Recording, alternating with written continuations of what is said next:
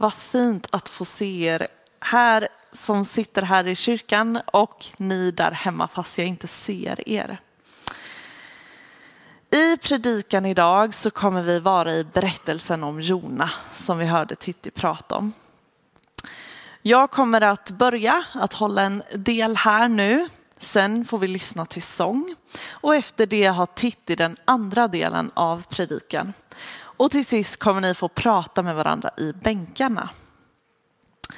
Jag vill eh, nämna lite om vårt gudstjänsthäfte som Titti också nämnde om. Men det börjar vi med idag och har med oss hela vårterminen. Eh, och då har varje söndag en egen sida med temat och med bibeltexterna. Och de här ligger här ute i foajén i kyrkan. Så kom och hämta ett och ta med det hem och lev med det i veckan. Förbered dig inför söndagen, läs de här texterna och så är det också lite frågor eller lite ja, meningar från de som ska medverka i gudstjänsten. Så kan man fundera på det i veckan. Och här på baksidan så står det lite isbrytare till kyrkfikat. Lite frågor, lite samtalsämnen. Så ta ett sånt och lev med det.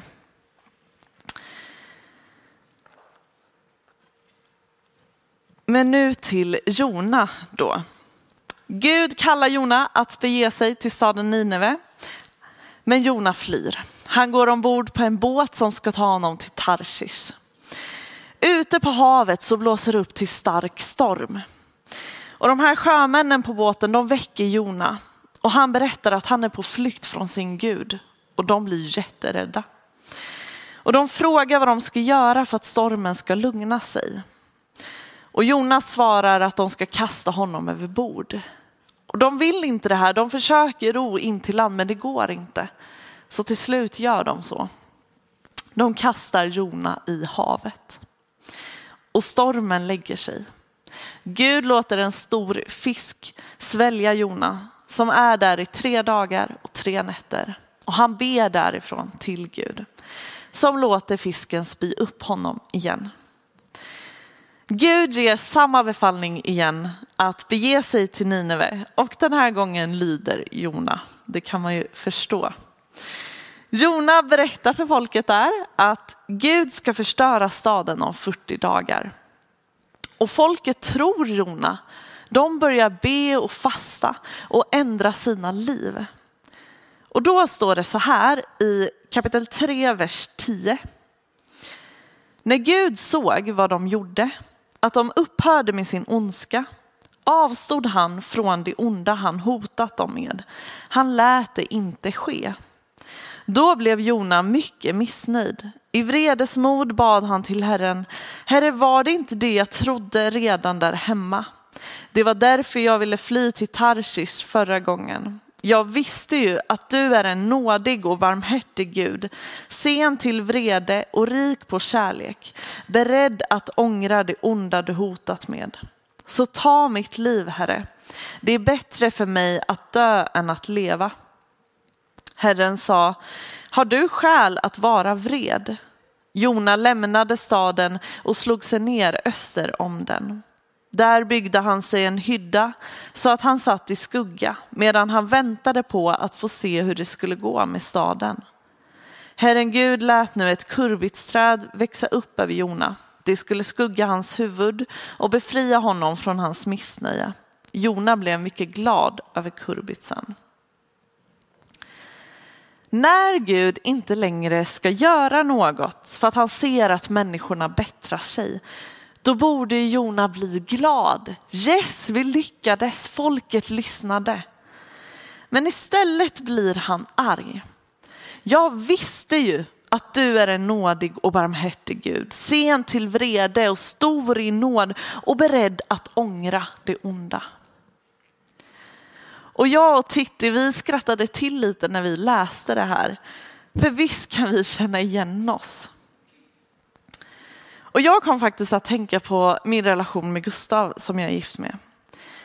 För när jag kommer till honom och är irriterad på någon person och vill bolla det, då sitter Gustav ofta helt tyst och lyssnar.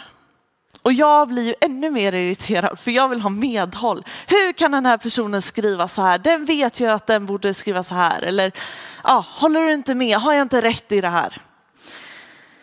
Och Gustav är helt lugn, så sjukt provocerande. Ehm, och sen så ska han alltid säga något klokt. Ja, men har du funderat på varför den personen skrev så? Eller har du sagt till personen att du känner så här? Du kanske ska ringa den och reda ut det här. Och det är inte alls det jag vill höra där och då. Och då kanske jag, precis som Jona, drar mig undan, sätter mig och tjurar, bygger mig en liten hydda. Och jag tänker att varför Jona blir så där tjurig, det är för att han vet innerst inne att Gud har rätt. Han vet att han kommer inte ifrån sin kallelse. Och han har ju innan det här fått väldigt tydliga tecken att han inte kommer ifrån Gud hur han än försöker. Han vet vad han behöver göra. När jag sätter mig och, och tjurar så är det ju för att jag vet att Gustav egentligen har rätt. Jag vill ju inte egentligen att han ska haka på min ilska mot någon. Jag är ju egentligen innerst inne tacksam att han håller sig lugn och nyanserad.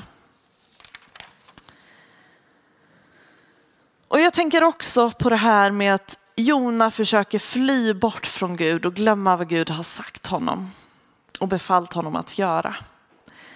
Och det går ju sådär. Och jag tänker att kontakt med Gud, det ligger väldigt nära kontakt med sig själv. Precis som vi inte kan fly från Gud så kan vi inte fly från oss själva.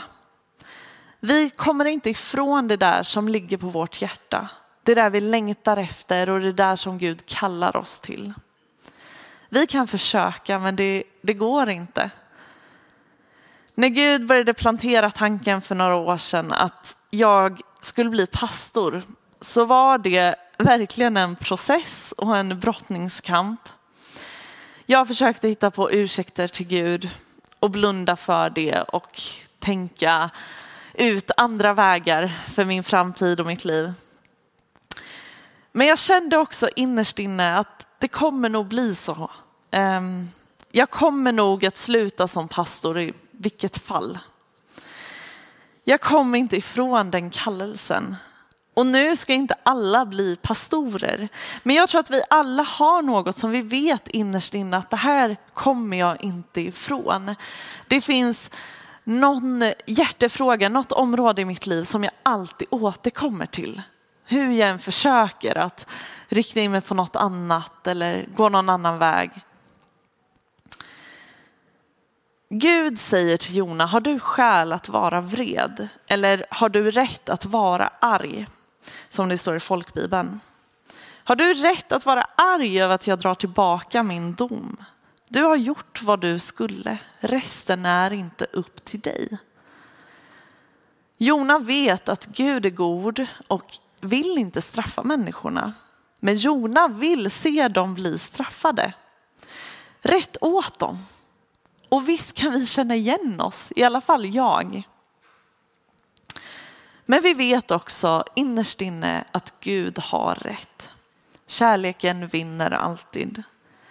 Och vilka är vi att bestämma människors öde? Att tala om för Gud hur saker och ting borde vara?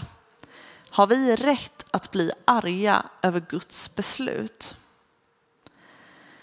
Och allra sist i den här delen av predikan så vill jag bara lyfta något vi sjöng här i salmen nyss, oändlig nåd. Guds nåd, jag skälvde inför den, men sen gav den ro.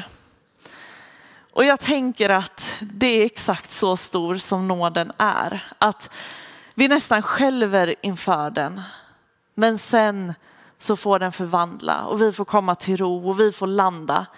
Ja, du har nog rätt Gud ja, jag vill gå i den här riktningen.